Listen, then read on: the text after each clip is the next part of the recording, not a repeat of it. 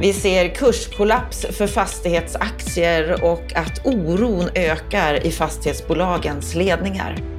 Den nya trepartsuppgörelsen om hyressättningssystemet, den välkomnas, men om det verkligen ska leda till ett bra resultat, ja, det avgörs ju av det praktiska arbetet. Det här menar vår expertkommentator Stefan Attefall som du får träffa alldeles strax. Och han är också väldigt glad över Göteborgs stads nya banklån med sociala mål. Nu är vi tillbaka med ett nytt Veckans Aktuellt ifrån Bopolpodden med det senaste som har hänt under veckan. Varmt välkommen! Jag heter Anna Bellman.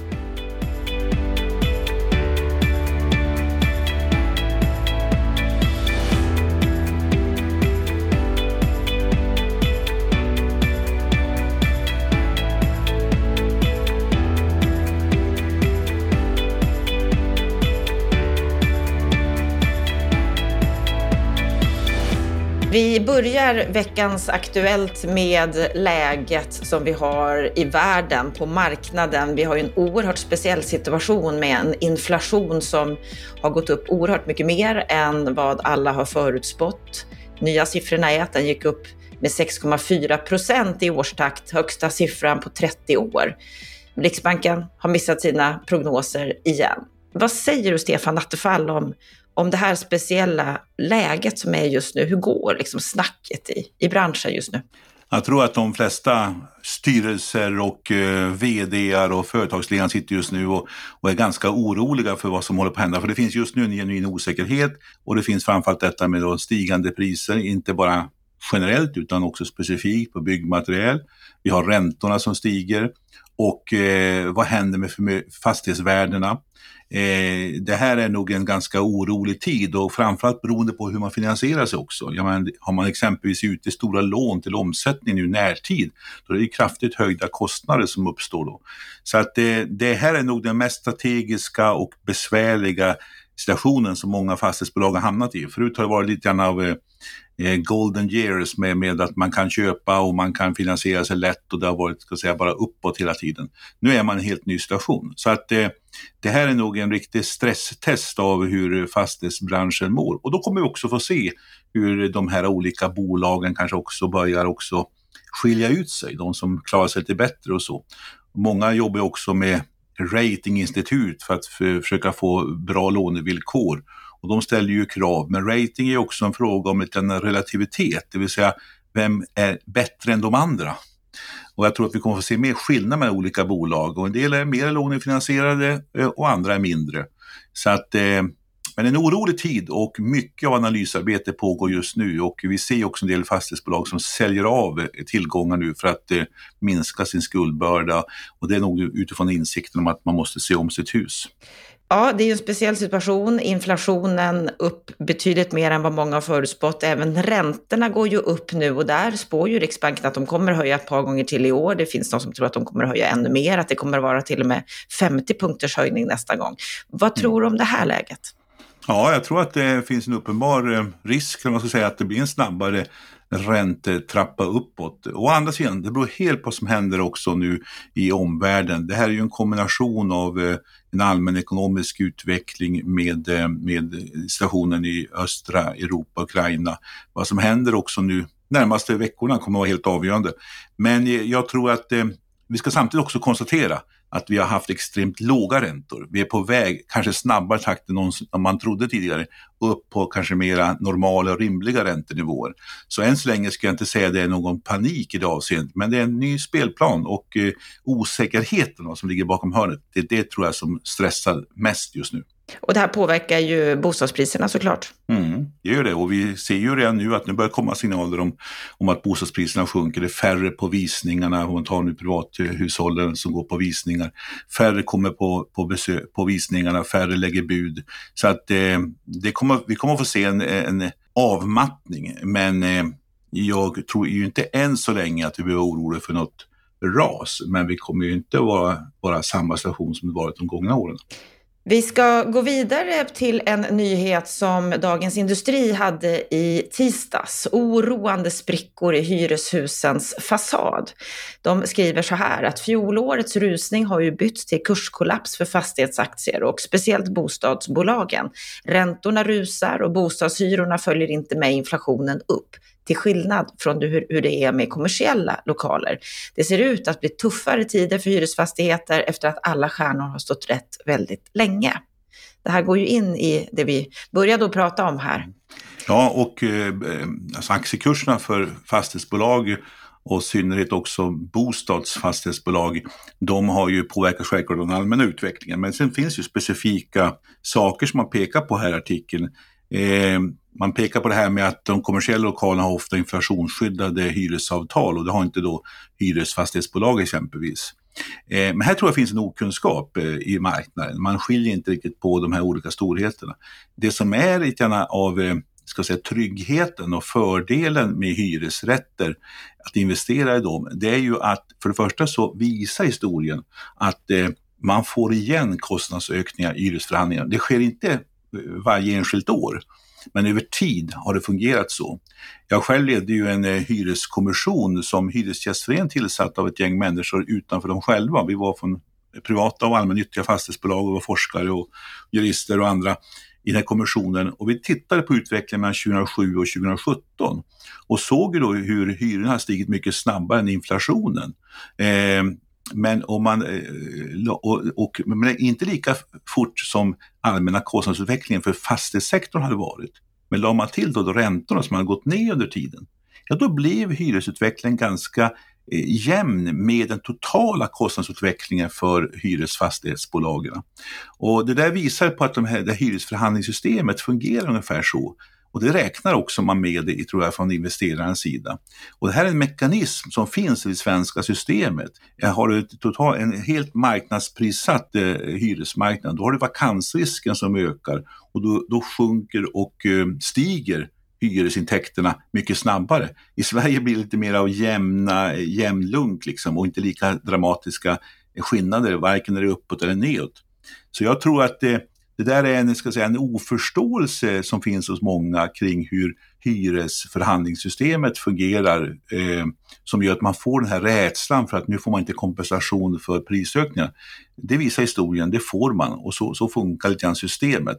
Men eh, det är klart att det är även oroligt för, för eh, de som har investerat i hyresrätter. Den stora risken ligger ju ändå i vakanser, det vill säga får man inte hyresgäster. Och där finns ju ingenting som tyder på att det skulle vara ska säga, överskott av bostäder.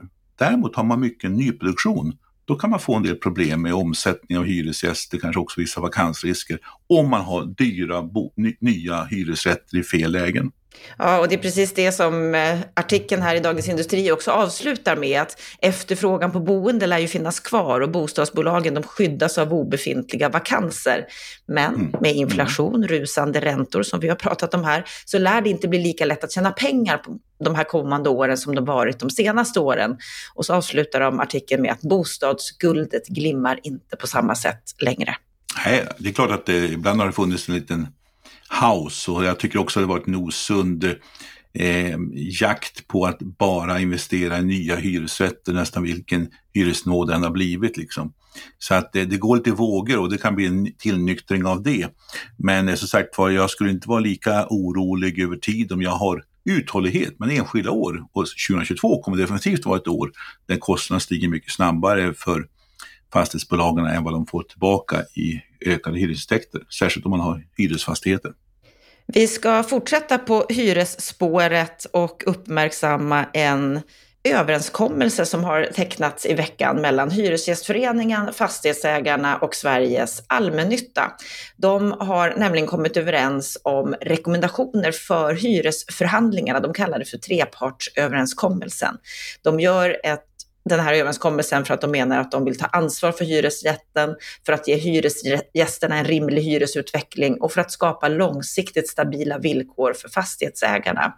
Att den här överenskommelsen ska ge Sverige en bättre fungerande hyresmarknad som ska möjliggöra bostäder som blir tillgängliga för fler. Vad är det de har kommit överens om egentligen, Stefan? Ja, jag har faktiskt eh, blivit mer och mer positivt eh, överraskad ju mer jag läst. Jag har läst igenom hela den här uppgörelsen. Eh, inte för att vi vet hur det här blir i praktiken alltid, för det beror ju gärna på hur man förvaltar det här också. Men man har nu skapat ett ramverk som många har efterlyst. Problemet har varit att lagstiftningen och, och, har inte egentligen gett riktigt tydliga förutsättningar. Vad ska man förhandla om varje år? Är det taxehöjningar, räntehöjningar eller är det någonting annat? Och det har också varierat över ort och över tid. Eh, olika parter har haft lite olika ingångar i detta. Nu har man enats om ett ramverk för hur den här förhandlingen ska gå till. Vad är det för kostnader? Jo, det är de taxibundna avgifterna, el, fjärrvärme, VA och allt det här. Va? Eh, det är fastighetsförvaltningskostnader, det är räntorna, det är också den allmänekonomiska utvecklingen i form av bruttonationalprodukt per capita och totalt och det är prisutvecklingen i allmänhet. De där mekanismerna är man enig om, de ska ligga till grund för förhandlingarna. Och så har man enats om en uppförandekod, hur man ska säga, förhålla sig till varandra i förhandlingar. Man ska ha max tidsgräns på 90 dagar. En stark kritik har varit att det har dragit ut på tiden allt för mycket. Och man är också överens om en, att man ska ta fram en tvistelösningsmekanism även för den privata sektorn. Nu måste man ju leverera där. Den är inte klar ännu, det finns en sån för allmännyttan. Och sen säger man, har man också kommit överens om hur man ska hantera eh, förvaltningskvalitet, att det också ska ge effekter. Inte att de ingår i de årliga förhandlingarna, men parallellt med de årliga förhandlingarna och införande samtidigt så ska man också ha en parameter som tar upp förvaltningskvalitet och systematisk hyressättning. Man är också mer överens om hur man ska jobba med de frågorna för att ja, en lägenhetsvärde ska bättre spegla sig var ligger i staden exempelvis och jämförbart med andra lägenheter i liknande lägen. Eh, och det här tror jag är viktigt och jag sa tidigare att jag har varit eh, ordförande för hyreskommissionen eh, som hade som uppdrag av Hyresgästföreningen att utanför dem själva titta på hur kan hyresförhandlingssystemet utvecklas. Och, eh, jag tycker det ligger mycket, ruskigt mycket i linje med vad vi föreslog. Det är precis det vi efterlyste. En gemensam grund att stå på och årliga förhandlingar sen som utgår från, från ska säga, utgångslägen som man är överens om. Eh, nu gäller det att förvalta den här uppgörelsen så att den också fungerar. Men jag tycker det här är ett stort steg framåt för att få bättre ordning och reda, mer likhet över landet. Det har varierat oerhört mycket också. Olika lokala kulturer, olika lokala personer har påverkat det här på båda parter också. Så att eh, jag välkomnar verkligen den här uppgörelsen och tycker att eh, den är faktiskt en jätteviktig och bra grund om det här hyresförhandlingssystemet ska eh, fungera och eh, utvecklas framöver. Eh, och fungerar inte det här, då, då kommer ju hela systemet att kapsejsa. Det de själva säger det är att de har presenterat en pusselbit för ett system som ska fungera bättre. Hur, hur viktig är den här pusselbiten? Hur stor skillnad kommer den att göra? Ja, det, det kommer vi se i den praktiska tillämpningen. För det är klart att även om du är överens, på arbetsmarknaden har man ju haft mer av de här gemensamma förutsättningarna. Och klart att på arbetsmarknaden så är man ju ändå i, i konflikt med varandra ibland om man har olika uppfattningar. Men eh, nu finns ju en bottenplatta att stå på, det fanns inte förut. Och det här tror jag är ett stort steg framåt och jag tror att ska vi få liksom så här, någon slags mer av förutsägbarhet och ordning och reda i förhandlingssystemet och få bort mycket av irritationen som har funnits så tror jag det här är en viktig grundplåt. Och kan man sen få systematisk hyressättning att fungera, då kan vi också få bort en del av de här skevheterna som finns på hyresmarknaden. Vi ser ju Malmö som har varit föregångare i det avseendet. De har mindre diskrepans mellan, ska vi säga, eh, mar marknaden, vad marknaden säger och vad hyrorna faktiskt säger. Alltså. Och det sker, har skett på ett lugnt och successivt sätt. Medan i Stockholm har man mycket mer av bråk och konflikter och, och, problem. Och så är det variation på detta runt om i Sverige. Så att jag skulle säga att det här är grundläggande förutsättning för att vi ska få ett hyresförhandlingssystem som fungerar. Men sen ska det också levereras och bli vardag och praktik. Och där är ju parterna har ju allt att bevisa nu. Mm, de får bevisa och vi ska kolla så att de håller det de har lovat i den här överenskommelsen. Vi ska avsluta veckans Aktuellt härifrån Bopolpodden med en nyhet ifrån DIs bankbilaga. För det är så att Göteborg, de har som mål att ingen av deras fem stadsdelar som idag finns med på polisens lista över särskilt utsatta områden ska vara kvar där 2025. Så inga stadsdelar som är utsatta områden. Och här har SCB gått ut med att de ska ge ett lån mot utsatthet, alltså ett hållbarhetslänkat lån där de får en ränterabatt om de här hållbarhetsmålen uppnås och så får de lite straff med högre ränta om de inte når det här målet att få bort de här områdena från listan på särskilt utsatta områden och de ska stämma av de här målen årligen. Vad säger du om den här typen av hållbarhetslån som länkas otroligt tydligt till, till verklig action, om jag får säga så? Ja, det här tycker jag är jätteroligt att läsa. Ehm, eh, det har ju funnits en del lån som har tagit upp en del klimatrelaterade eh, saker, men nu lägger man också in sociala ambitioner och sociala mål här. Och det är 8 miljarder kronor som eh, Göteborgs stad har fått låna för att användas för att investera i, i de här bostadsområdena. Och vi har ju tidigare i Bopolpodden tagit upp när ehm, Göteborg och framförallt Framtiden och Terry Johansson som är VD där lanserade de här sakerna med de här höga ambitionerna miljonerna och nu får man alltså en lån, lån som premierar om man lyckas och straffar om man misslyckas. Jag tycker det här är jätteintressant och det verkar vara ett eh, första gången det sker i Sverige, åtminstone på den här stora skalan. Eh, jätteintressant, hoppas fler banker följer efter, hoppas fler kommuner följer efter och vågar sticka ut hakan och ha tydliga eh, sociala mål. Eh, här finns det mycket att göra. Men ska man, ska man göra det här då måste man ha ett seriöst program i botten så att man också tror att man kan genomföra det här. Eh, det är jättehöga ambitioner från Göteborgs stads sida och Framtiden-koncernens sida. Men jag välkomnar verkligen det här och tycker att det borde stämma till eftertanke hos många andra kommuner och andra banker. Hur mycket rabatt får de? Ja, det vet jag faktiskt inte. Jag tror inte att det heller det är offentligt, det är någon sån affärshemlighet. Men eh, ni alla inser ju att några tiondelars procent på 8 miljarder, det är mycket pengar. Så att det krävs inte mycket av, av ska säga, eh, skillnader så blir det ganska många kronor.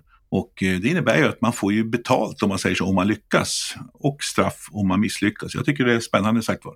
Men eh, det affärsmässiga avtal skulle man gärna vilja läsa, men eh, tyvärr har jag inte tillgång till det.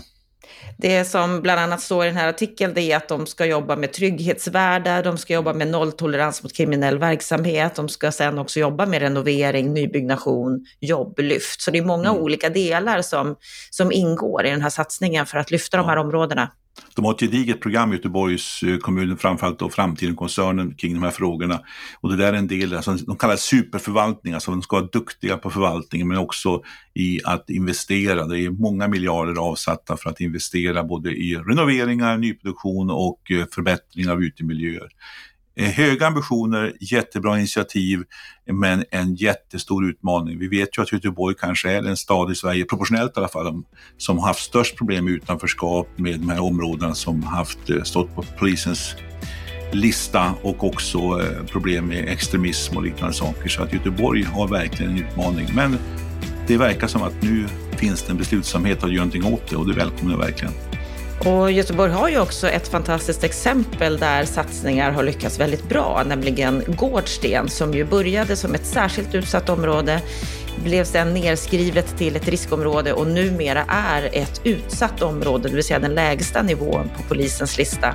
Mm. Och eh, eventuellt så kommer de helt att komma, komma ur den här listan och de har gjort väldigt många olika saker och vi kommer faktiskt att träffa Gårdstens bostäder här om några veckor och lyssna med dem. Vad är det de gör rätt och som hjälper dem verkligen att komma framåt i de här frågorna. På måndag då ska vi få träffa Jeanette Corvinius som är ordförande i Byggcheferna. Och hon oroas över att chefer inte inkluderas i arbetet. Och det är en av de sakerna vi också ser i våra årliga mätningar i Byggchefsbarometern, att chefer inkluderas inte i arbetet oavsett om vi pratar hållbarhet eller något annat. Vilket är helt vansinnigt, för det är ju där, det är ju faktiskt cheferna många gånger som, som sitter på kunskapen vad man ser som funkar och inte funkar. Och det är också de som ganska lätt kan plocka ut och implementera det. Ja, där hörde vi Jeanette Corvinius och en längre intervju med henne, det hör du i vårt program på måndag. Fram till dess så önskar vi på Bopolpodden dig en riktigt trevlig helg.